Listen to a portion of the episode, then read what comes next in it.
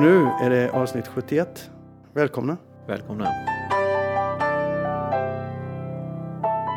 Kristoffer, Ja, nu är det avsnitt 71 och jag tror vi sa vid något tillfälle helt nyligen att vi har hållit på i två år, men det är faktiskt tredje året. mm. Och jag måste säga att jag är förvånad. jag är också förvånad att jag står ut. Med mig ja. Ja. Nej, men... Det var eh, min första tanke. Ja, Ja men nu kör vi. Och idag kommer det bli lite tufft för dig och mig. För vi ska ta upp två stycken eh, tillfällen där vi har fått kritik. mm. Och det ena fallet är ett brev som vi ska läsa upp. Kan vi inte börja med det direkt? Nej, Nej. Jag, inte, jag vill ta upp det som hände helt nyligen. Och sen så ska vi åka till Natur och och prata med Per Almgren som har bett om ett samtal utifrån vad vi har sagt om natur och kultur. Yes. Och jag ser fram emot bägge de punkterna. Därför att eh, jag har ju alltid haft den inställningen som journalist. Att har du haft fel så ska du rätta och helst lika stort som du har sagt det. Mm. Och det faller sig naturligt här i, i podden. Så länge vi står för vad vi gör så, så blir det lika stort. Det kommer vara lite obekvämt idag, men jag tror vi får ta det. Nu kör vi. Ja. Men det första jag vill prata om, det är någonting som du inte var med på. Det var bokbranschdagen häromdagen. Och eh, den var intressant på många sätt. Det kom en liten småskandal där inne som jag också tänker ta upp. Mm. Men först eh, själva programmet. Det var nog första gången jag tyckte, eller rätt sagt jag tycker så här, det var det bästa programmet hittills under de dagarna. Och det var helt fullt. Kanske ska berätta för de som inte vet vad Bokbranschdagen är. Det är en sammandragning på Nalen i Stockholm under en eftermiddag där Förläggarföreningen och Bokhandlarföreningen har ett program. Och det centrerar runt statistiken, den bearbetade statistiken för föregående år. Och sen har man två stycken idémässigt eh, präglade eh, inslag. Det är ju de jag gillar. Program, eh, första punkten var ju då statistiken. Mm. Och eh, det var totalt misslyckat. Men det tror jag inte man kan skylla eh, arrangörerna Varför för. var det det? Sju stycken människor eller något sånt där står och, och, och jonglerar med eh, ett par mikrofoner och svarar på eh, en utfrågares eh, frågor. Och du har 20 minuter. Ja, det blir... Det blir ingenting. Nej. Så det var lite formatets fel. Det går inte att göra det bra så. Och det blev inte bra. Men får man, hittar man rätt format där så kan det bli intressant att diskutera. För nu är det ju så att Förläggarföreningens och eh, eller statistiken ska vi säga. Den är aldrig varit så intressant som den är nu. I år kom ju ehm, för första gången Streamingtjänsten med också. Ja, men då gjorde man så att man gjorde en topplista med verksfokuserad. Eh, alltså oavsett vilket format du är så fick man se hur mycket som en bok, jag kallar det böcker då, Ja, omsätter i de, olika, i de olika kanalerna. i de olika kanalerna. Och då blir det ju jätteintressant. Därför att det avslöjar lite grann om våra vanor. Det berättar för oss hur morgondagens eh, bokbransch ska se ut.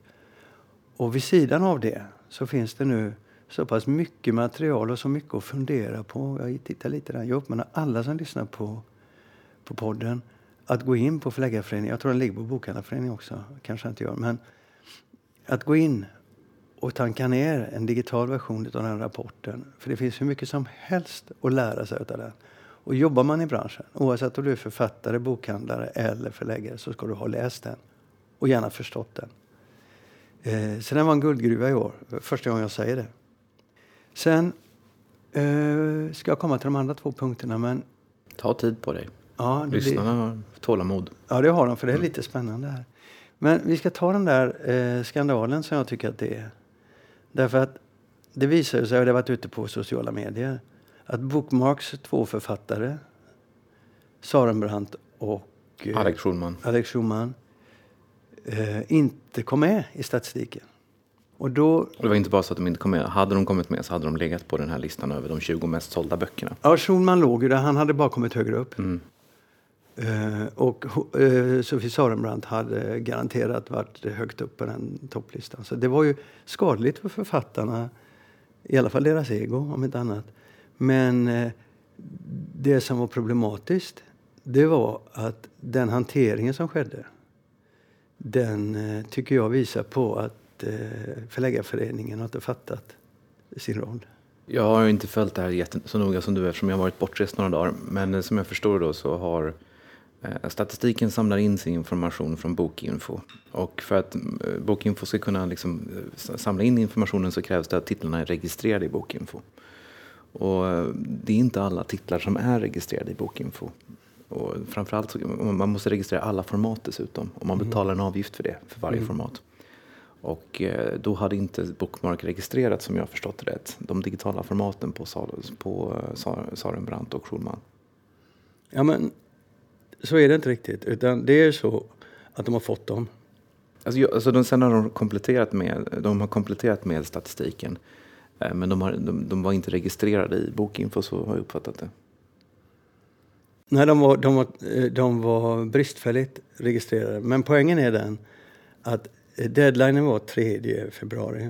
En del pratar om 31 januari, men vi ska inte bråka med detaljerna på det sättet. Men 3 februari så hade Bokinfo rätt information från förlaget och blev lovade att det skulle vara med. När de kommer eh, och får se statistiken så är det inte med.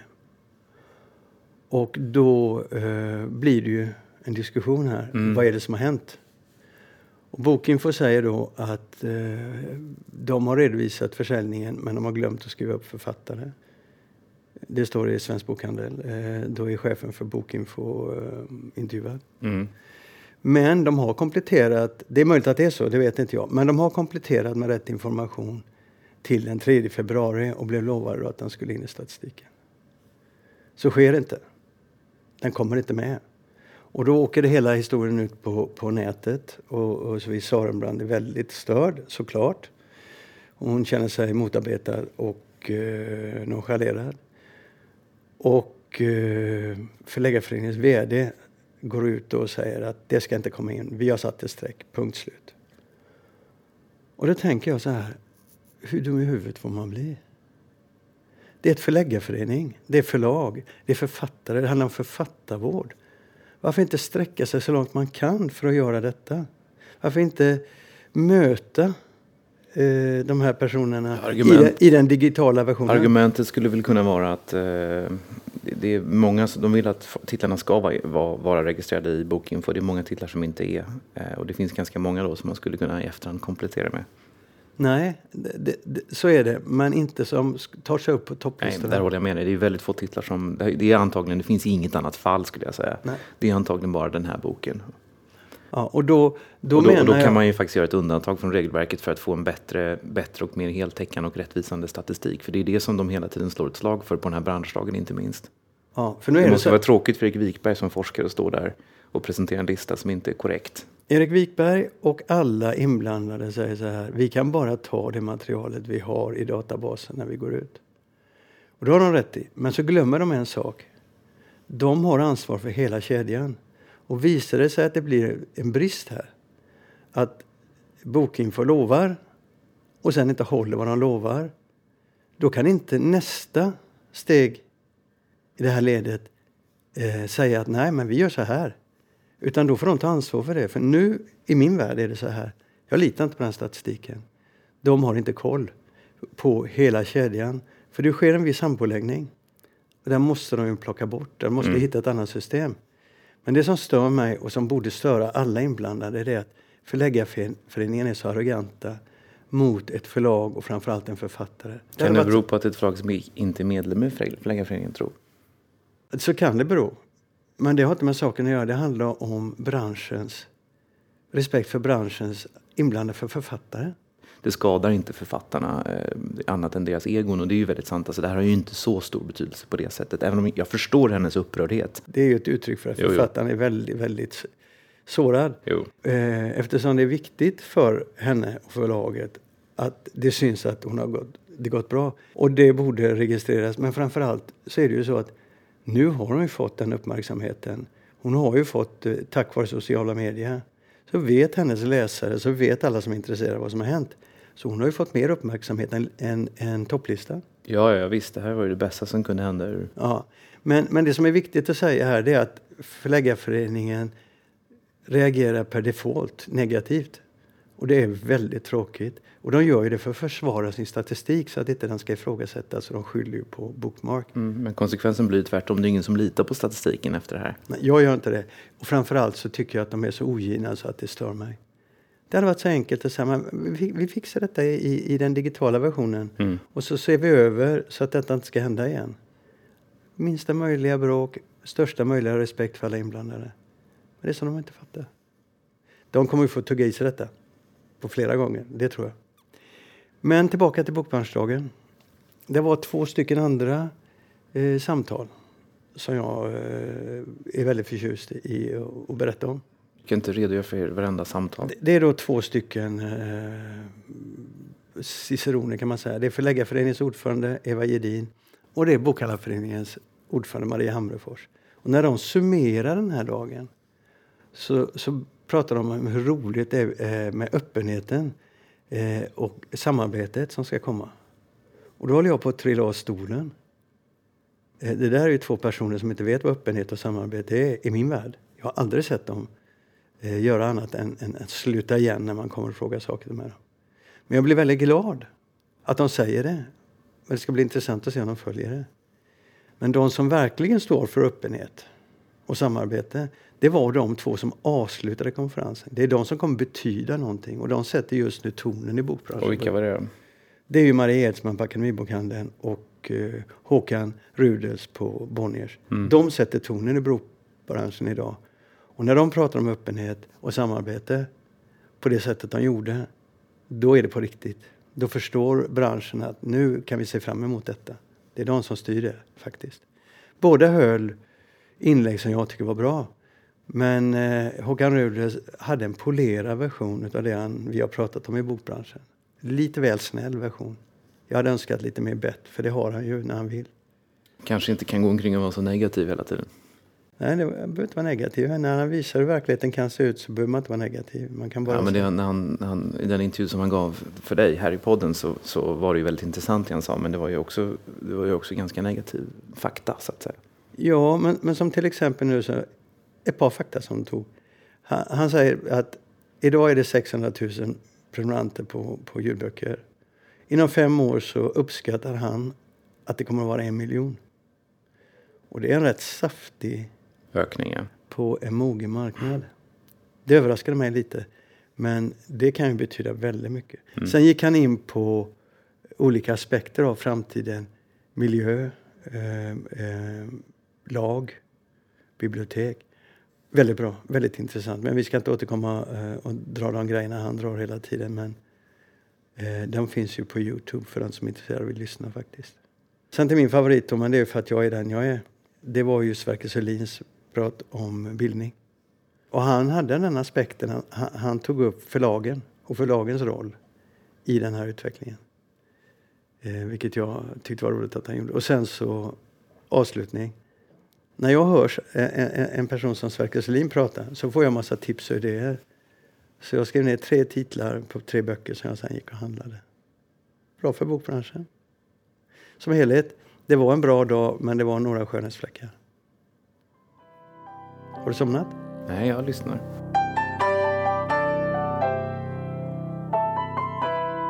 Okej, okay, Kristoffer. Det finns inget annat sätt än bara att gå rakt på. Mm. Vi fick ett brev. Från Kristina Olsson? Ja, författare. Som är djupt missnöjda med vårt sätt att beskriva hur det gått till när hon har lämnat Piratförlaget för eh, förlag i Bonniersfären. Det är ett argt brev, sju punkter. Eh, tre av dem är centrala. Och hon fick frågan av mig eh, när vi fick det här om hon ville komma hit till podden och själv ta upp sin kritik. Det ville hon inte. Så jag läser upp eh, tre av de punkterna som är centrala och viktiga. Och hon har skickat runt det till, som hon kallar, berörda parter. Eh, och den första punkten då eh, lyder så här. Ingen på Salomonsson Agency har vid något tillfälle uppmanat mig att byta svenskt förlag för varken vuxenböcker eller barnböcker. Och omvänt. Ingen på Piratförlaget har någonsin ifrågasatt mitt val av agent för min utlandsrepresentation. De meningsskiljaktigheter som funnits mellan mitt tidigare förlag och min agentur har inte varit en katalysator för att jag nu går över till bokförlaget Forum och inte heller för att jag valde att gå till Bonnier Carlsen. Det var en av punkterna. Mitt förlagsbyte på vuxensidan föregicks av en lång process som ni saknar insyn i. Jag fattade mitt beslut andra veckan i januari 2020 och inte tidigare än så. Jag skriver inte kontrakt på böcker som inte finns utan lät förlagen som uppvaktade och som jag själv bedömde som intressanta vänta tills jag har en text att presentera. Och då är det så att det centrala i det här brevet är att Salomonsson Agency representerar han inte Sverige. Hon har ingen agent i Sverige. Han är bara utlands, de är bara utlandsagenter. Så är det ju med många författare som ligger på ja, ja. Ska ta upp den aspekten. Vi ska inte kommentera det hon säger här, utom en aspekt ska, ska jag kommentera. Men vi ska, sakfrågan, där kan inte vi säga något, för där har hon ju rätt. Avslutningsvis, jag har lagt ner enormt mycket jobb och energi på att sköta kontakterna och förhandlingarna med intresserade förlag så professionellt som möjligt. Det känns därför både tråkigt och kränkande när ni i Förlagsborden förminskar mig och flera av mina tidiga kollegor på Piratförlaget till Collin som en agent skulle bära omkring och dumpa på olika förlag. Som om vi vore kor som leddes från en bonde till en annan. Och som om vi inte var vuxna och kompetenta nog att fatta våra egna välgrundade beslut. Det säger något ganska obehagligt om hur ni ser på författare och relationen mellan förlag och författare. Jag ska bara ta en sak ur detta. För vi ska, eh, hon måste få äga sina egna ord och vi kan inte polemisera med henne för hon är inte här. Men... Ja, inte ville komma får vi väl i och för sig säga. Ja, hon var väldigt tydlig med att hon inte mm. ville komma. Det som jag vill påpeka här, i, eller jag tar upp utav de här tre punkterna som jag tagit då, det är när hon säger att det har funnits meningsskiljaktigheter mellan min tidigare förlag och min agentur. Det har inte funnits, det finns. Den är ju helt avgörande för Piratförlagets eh, överlevnad om den agenten som har de flesta av deras författare flyttar på dem. Det har inte skett då i Kristin Olssons fall. Det har vi varit väldigt tydliga med och där har vi fel. Det är bara för oss att tugga i oss och och tala om för omvärlden att det där är Kristin Olssons eget beslut. Och om hon inte tycker att det har varit en viktig konflikt eller haft någon betydelse att hon har legat på en agentur med den attityden till ett förlag som hon har legat på. Det kan vi inte heller ha synpunkter på. Men den har varit djup, djup, djup den konflikten genom åren.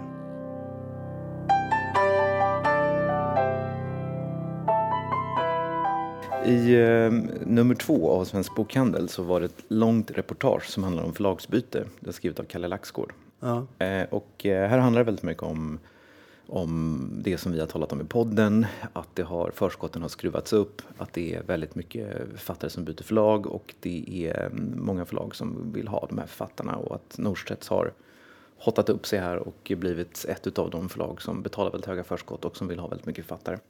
Det... Så, så var de inte förr. Där var det Bonnier som eh, åt upp allt och alla. Men nu har de börjat svara Norstedts. Och alla andra har nu två stycken stora Geting Glufsgrufs på marknaden. Ja, och det är väl på gott och på ont.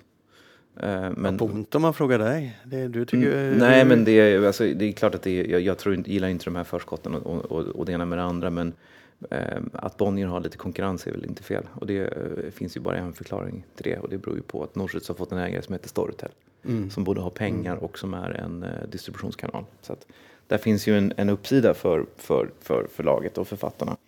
Men det här var en intressant artikel. Vi kan rekommendera alla att läsa den. Men det var en sak som verkligen fick mig att haja till. Eh, och det är så att trots då att det, det byts väldigt mycket så vill ju ingen Ingen vill ju säga att de har som strategi att stjäla andra förlagsförfattare för det är fortfarande lite fult, tack och lov. Mm. Och, eh, så att det är ju, eh, Claes Eriksson på Bookmark ju till och med en stark poäng i att han aldrig någonsin har dragit till något annat förlagsförfattare och sådär.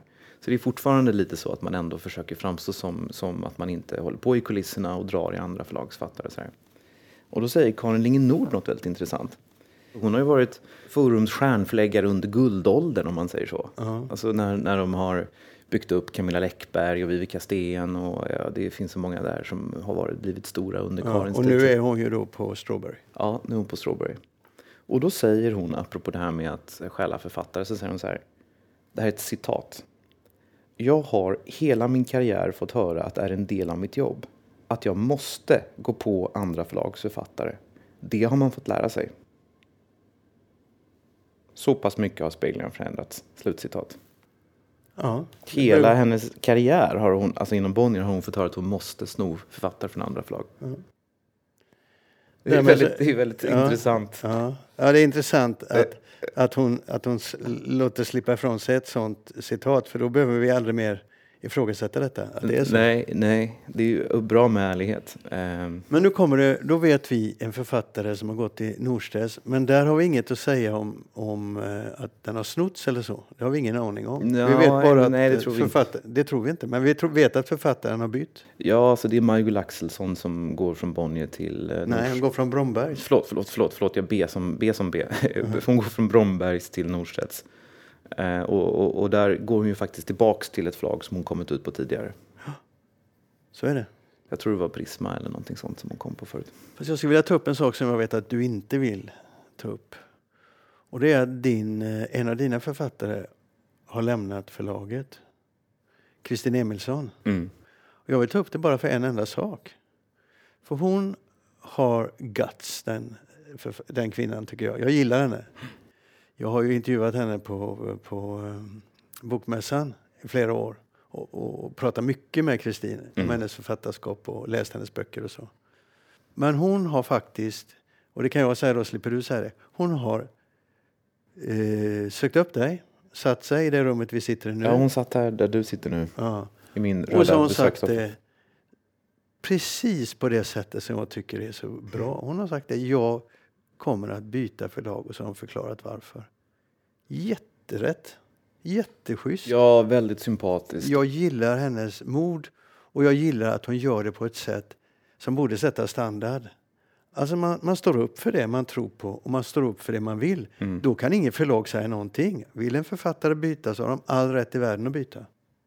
Ja visst, nej men det är ju fulspelet och, och att författarna inte hör av sig och låter agenterna, Ja, ja. agenterna göra slut och sen hör de av sig efteråt. Ja, men all heder till Kristin. Ja.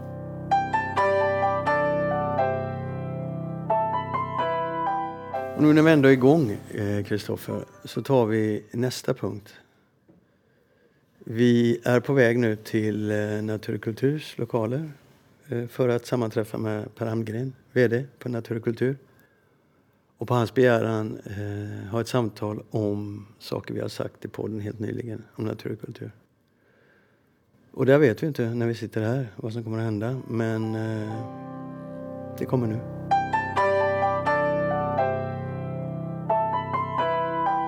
Nu sitter vi på Naturkulturs förlagshus i Stockholm och vi ska inleda ett samtal med Per Almgren, VD för Naturkultur. Mm. Sen hur länge då Per? Ja, det är ett par år nu faktiskt. Eh, Åtta år, ganska prick faktiskt. Men det var så att du faktiskt hörde av dig till oss. Du ville korrigera lite information som du tyckte vi hade lämnat som inte var helt korrekt. Så då sa vi, vi kommer gärna och så får du ställa oss vid skampålen eller vad ställde oss. Jag tycker inte ni ska stå vid någon skampåle, ni ska stå vid en hedervärd påle. Jag tycker ni har ett, eh, ett klokt och reflekterande samtal kring förlagsbranschen och ni har en, en skön, lite reflekterande ton och den hänger jag gärna på. Nej, men jag tror att det var du Lasse som sa någonting också om att, att vi är lite hemliga eh, och det studsade jag på. Det, det vill vi absolut inte vara. Det, det ligger inte i vårt DNA som det heter numera. Tvärtom, vi vill vara Inte så hemliga, utan jag ville ju att ni skulle gått ut i de här debatterna. Jag saknar alla förlag. Du vet, när det händer någonting och ett förlag är inblandat indirekt eller direkt så, så vill jag att förlaget ska gå ut och prata. Nu har det varit lite debatt här Nu har det varit lite debatt och eh, det är bra. Och, eh, sen har vi haft eh, ett sånt här besparingsprogram då i höst och, och det är klart att det är alltid speciellt. Eh, det är stora eh, förändringar för de som berörs förstås och eh, svåra saker att kommentera. I vårt fall så har det varit ett visst mått av enkelhet så tillvida att det har varit ett stort antal år med stora framgångar som har följts av ett par tuffa år.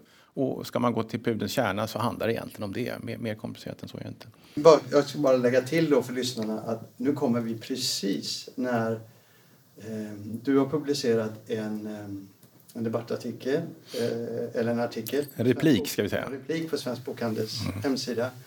Och Johan Svedjedal har precis svarat på din replik. Och det är bara någon timme senare som vi sitter här. Ni kunde inte komma mer perfekt. Nej.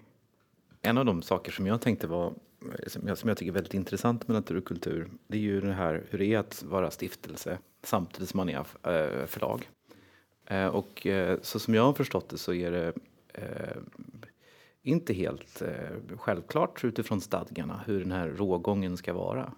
Och att jag, som om man tittar på det lite grann, eh, mitt perspektiv går tillbaka till Lars Gran och så som jag har förstått det då så var det mer så på Lars Grans tid att man kunde gå in till honom och få lite pengar från stiftelsen för något projekt som var angeläget och att på Eva Svarts tid så blev det lite mindre så, lite mer kanske professionaliserat alltså i förhållande till hur man talade om eh, stiftelsen och då började de här exposatsningarna och sådär och att mm. det på din tid har fortsatt att liksom renodlas lite mer. Är det, är det rätt?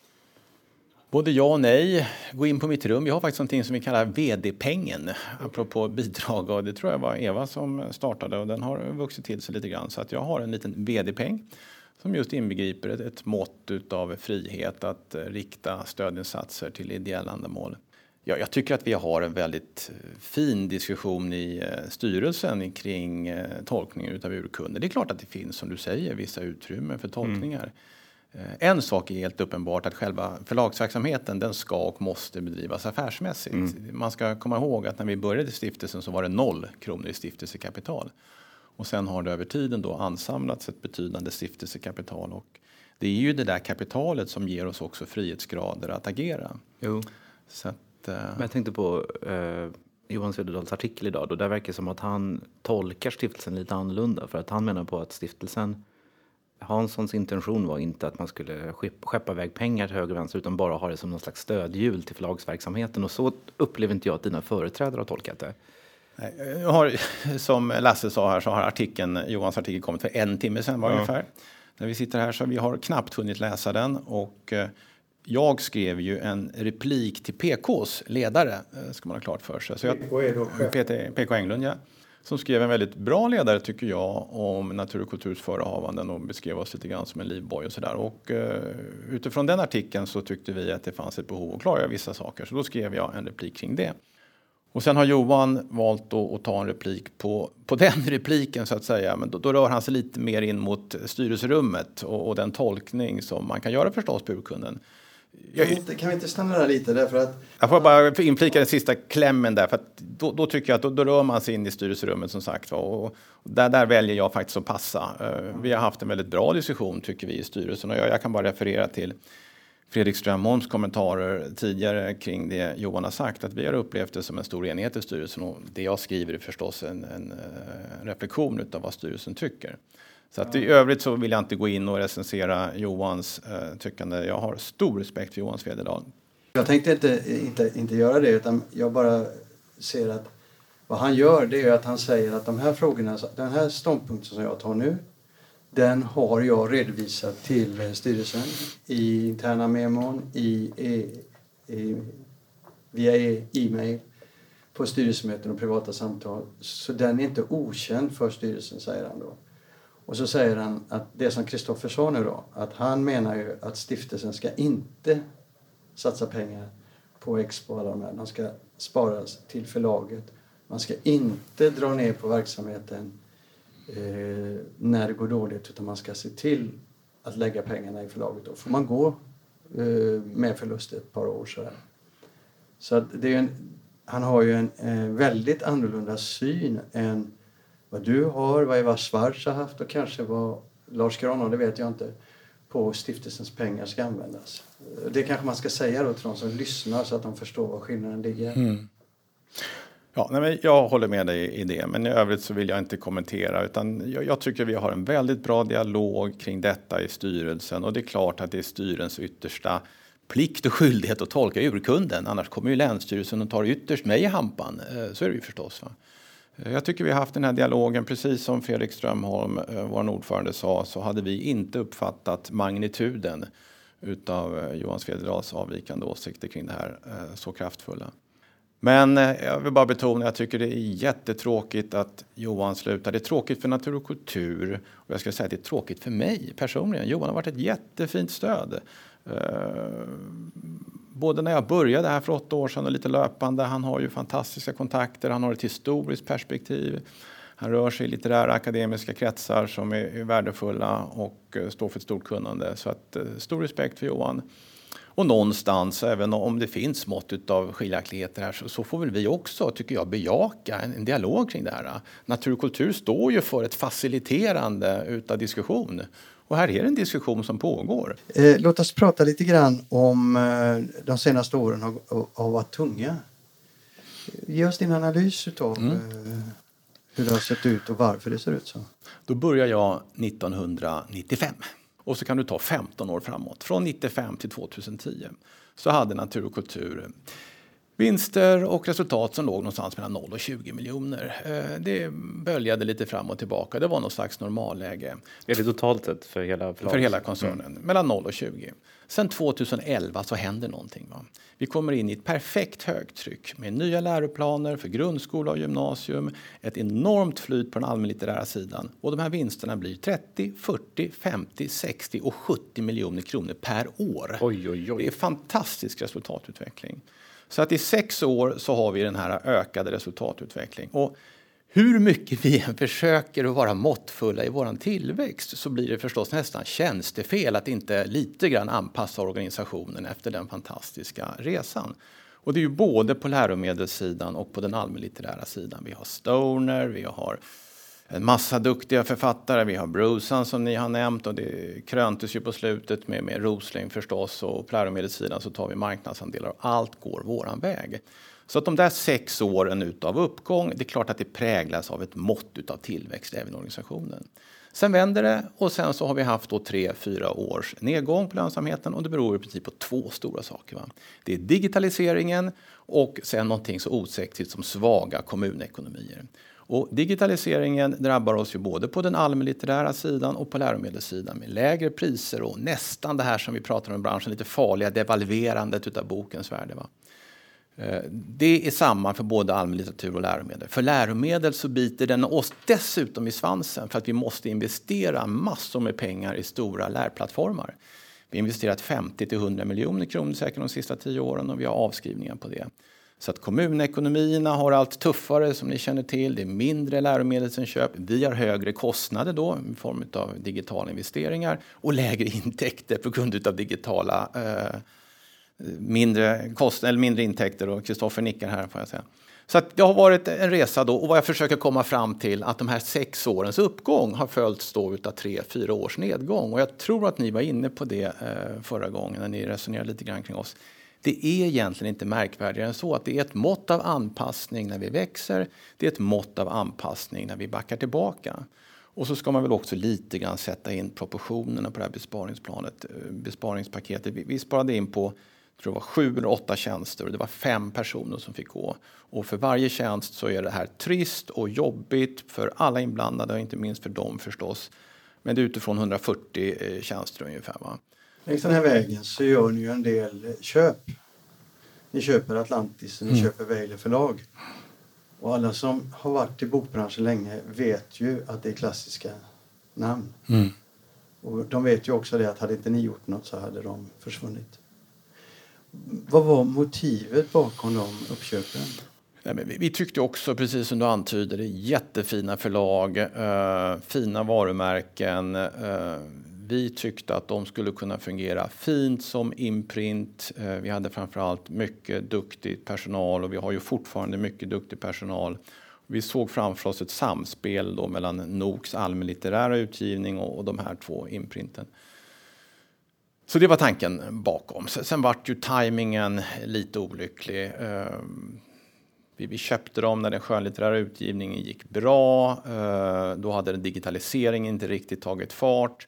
Båda de här förlagen har kanske en utgivning som inte är optimal i någon slags digital fähighet. Ehm, du förstår vad jag menar. Så att, och sen gjorde vi säkert massa misstag också på vägen.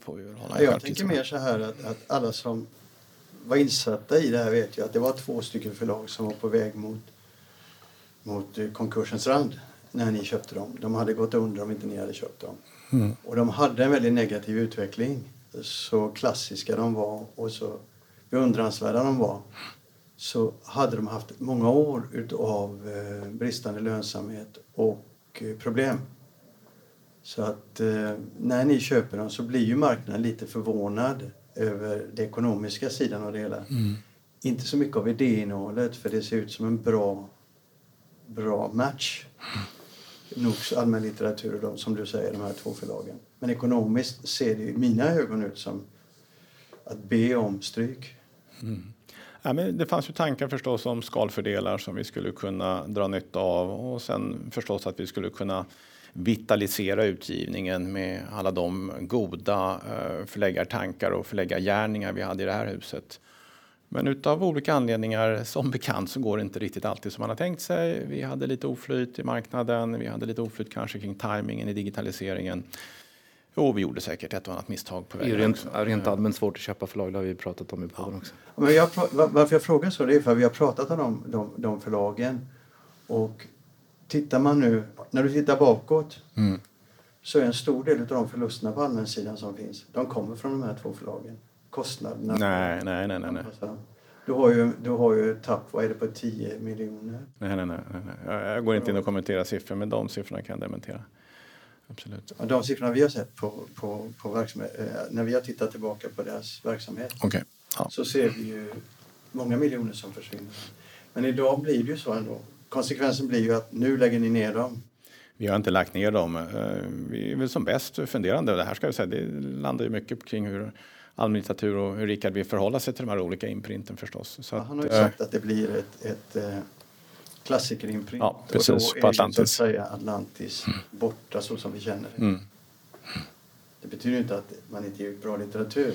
Men, men Nej, och det kan ju också stora... betyda att man eh, pausar en liten stund eh, för att sen revitalisera igen. Eh, så det finns ju många olika möjligheter. Men låt oss titta lite på allmänlitteraturen för jag tror att folk är väldigt bekymrade. Vill att allting ska vara jättebra och har... Alltså folk gillar ju naturkultur. Så att allmänutgivningen har en starkt stöd ute i samhället. Mm. Men som du säger där, ni tajmade inte den digitala utvecklingen. Vad beror det på? Nu pratade jag, syftade jag på Vader Atlantis. Är du inne nu och syftar på ja, allmänlitteraturen generellt? Ah, nej, nej, men det tycker jag inte. Där har vi varit mycket mer konsistenta. Utan det var väl mer utgivningen för Vader Atlantis som hade lite dålig timing. Just när vi köpte dem så drog ju liksom digitaliseringen iväg. Ehm, på vår allmänlitterära sida så tycker jag där har vi inga uh, Inga tillkortakommanden på den digitala sidan, absolut inte. Men däremot är det ju så förstås att vi har ju en relativt mindre digital andel än vad marknaden som sådan har. Vi har ju inte den genrelitteratur som Bonnier och Norstedts har och, och som Kristoffer står för. Vi har en liten annan typ av utgivning som inte är, ja, återigen, ska använda ordet digitalfähig. Eh, så att eh, jag tycker vi har haft en, en bra framtoning på den digitala sidan. Får jag flika in här lite grann? För det, här är ju en, en fråga som jag pratar, nej, pratar om mycket men tänker ännu mer på. Eh, och det är ju liksom hur eh, den övergripande marknaden påverkas eh, när, när digitaliseringen tar fart och en så stor del av konsumtionen sker i streamingtjänsterna. Det påverkar ju även, även oss som har genrelitteratur ganska mycket. Därför att vi hamnar i konstiga lägen där en så stor del av konsumtionen sker i streamingtjänsterna så att vi inte kan trycka fysiska böcker längre. Um, våran, våran, våran försäljning är liksom otroligt låg på, på inbundet på, mm. på, på, nya deckar och sådär. Eh, det här är svårt att förankra hos författarna, det är svårt att förklara. Folk tror inte att det är sant. Eh, men vi, vi har ju en, en, en, en ganska bred utgivning på Lind Company. Vi, har ju, vi ger inte ut så mycket romaner men vi på fackboksidan har vi rätt mycket kvalificerade böcker. Och eh, där ser vi också stora utmaningar i, på alla böcker som inte, liksom, som inte funkar i streaming. Eh, mm. Så har vi ju problem.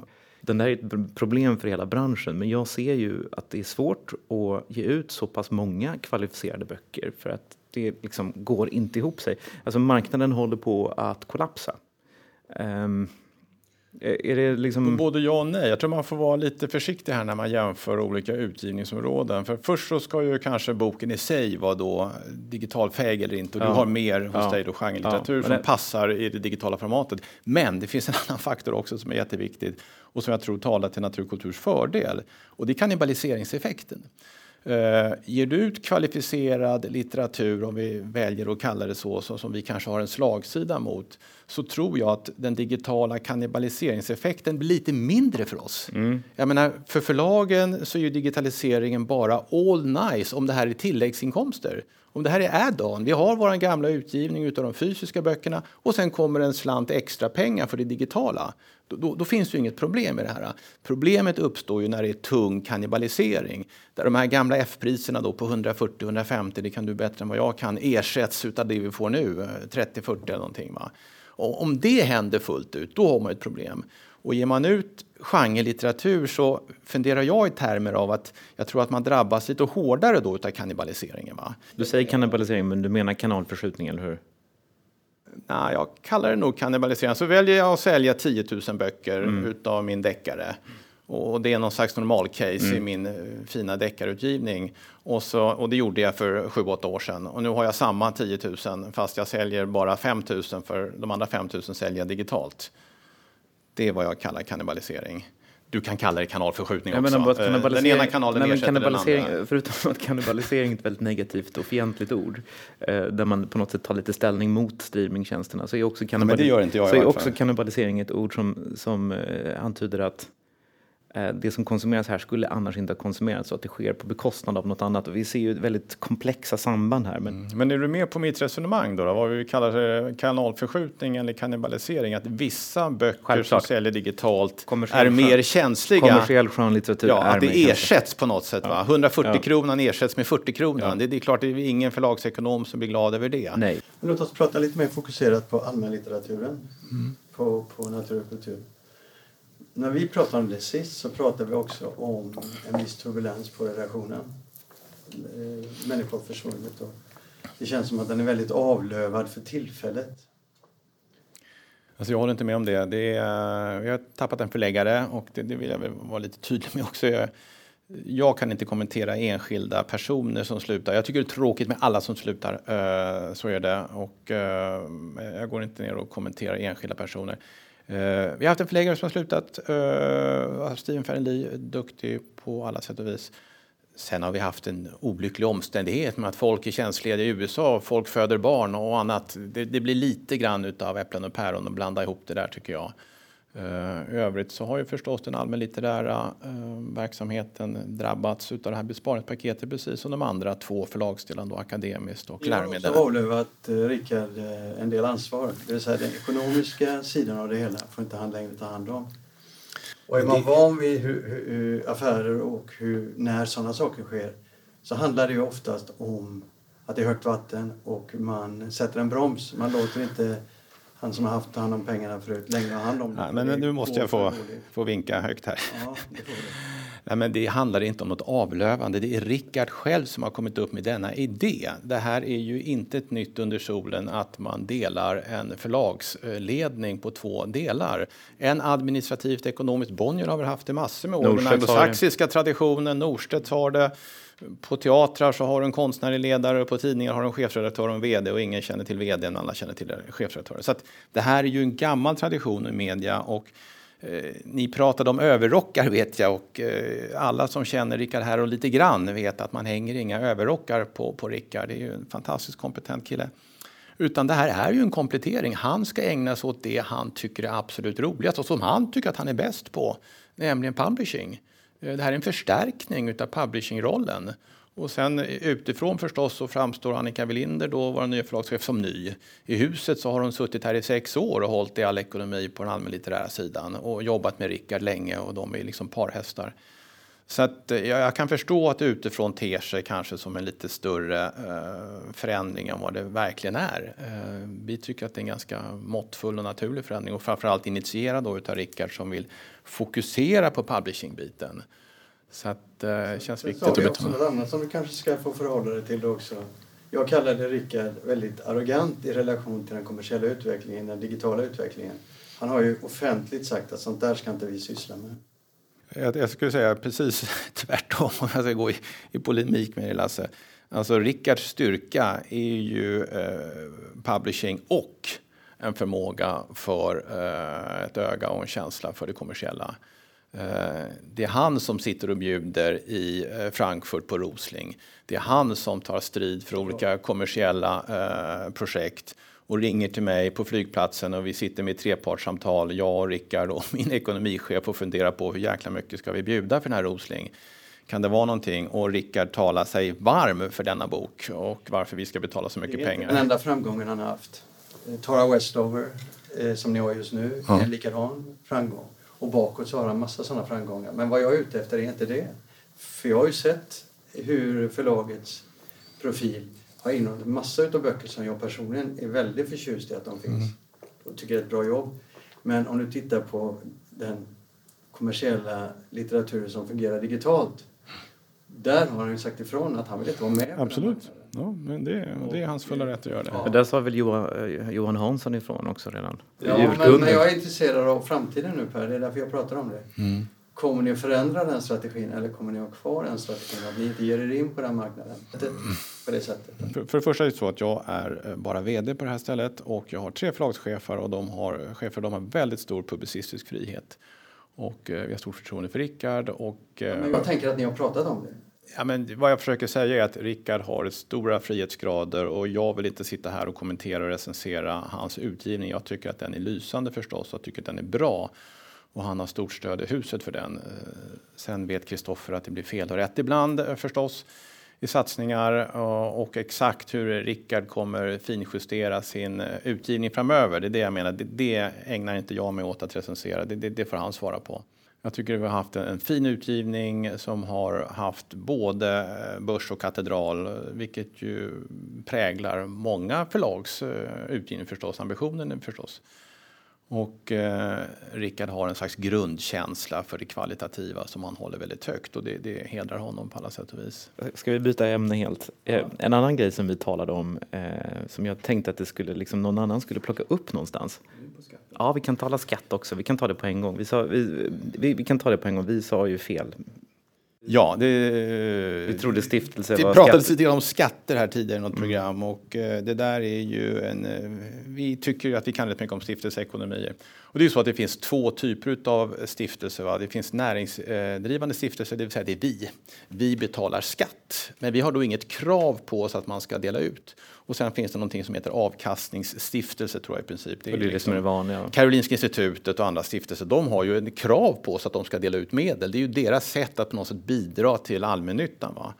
Eh, natur och kultur kan man säga, vi gör det riktigt tufft för oss. Vi betalar dels mycket skatt, vi har säkert betalat 100 miljoner de senaste 5-10 åren i skatt. Och dels betalar vi ut då det här som vi kallar vår stiftelseverksamhet som vi har ökat väldigt kraftigt de senaste åren.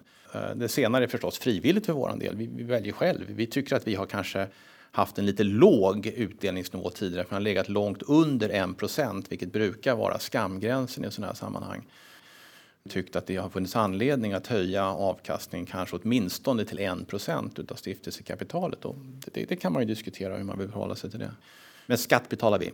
Det var egentligen bara det som vi ville betona lite. Man kan väl säga att under alla dessa, de här fantastiska åtta åren som jag refererade till, när det var sju år, så, så kom det ju in nästan mer pengar än vi Låter behövde. bibliskt. Sju Ja. goda år och sju dåliga år. Precis. Eh, Eh, sen när man kommer in då i andra eh, marknadssituationer med, med tuffare utveckling så kommer man ju till ett läge där man får fundera på att eh, Går det dåligt i år, okej vi avvaktar och så ser och så går det dåligt ett år till och så avvaktar man och så ser man och så håller man väl lite tummarna för att det ska vända. Men när det inte gör det, det så är det klart att någonstans så initieras då en dialog med ledningsgruppen och styrelsen kring hur ska vi förhålla oss till det här. Finns det en gräns när vi tycker att nu måste vi kanske ändå anpassa organisationen? Och det handlar inte om en styrelseordförande som kommer in och tycker till utan det handlar om en dialog mellan ledningsgrupp och styrelsen som i samklang hittar de nivåer som man tycker är skäliga. Vad jag skulle ta upp när du tog över rodret här, det var ju det här med, som vi talade om. Du, det alltså jag. Ja, det är Lasse. Eh, det, det var ju det här med stipendierna. Alltså, det var ju väldigt, en väldigt positiv och, och ganska, tycker jag, då förvånande sak eh, att det är så mycket pengar som, som natur och kultur delar ut. Eh, men man brukar tala om att Svenska Akademin har en sån stor betydelse och att det, liksom, det är så mycket pengar som sipprar ner från akademins alla stiftelser som berikar det litterära Sverige som en väldigt viktig del i det litterära kretsloppet. Men eh, natur och kultur närmar sig, nafsar ju snart akademin i kanten här och delade, vad är det, det har ökat från 3 till 10 miljoner.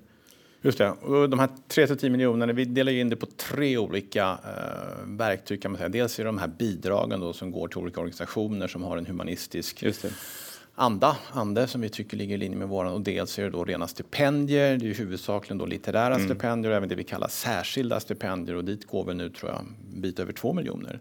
Och sen är det priser på det då som får lägga till ytterligare Just det, men, men, men, när man talar om akademins pengar så räknar man med prispengarna också. Just det. Med prispengarna så är ni, vad, vad är, då är ni uppe i... Vi är uppe över, över 10 miljoner. Ja, det är ju fantastiskt mycket pengar.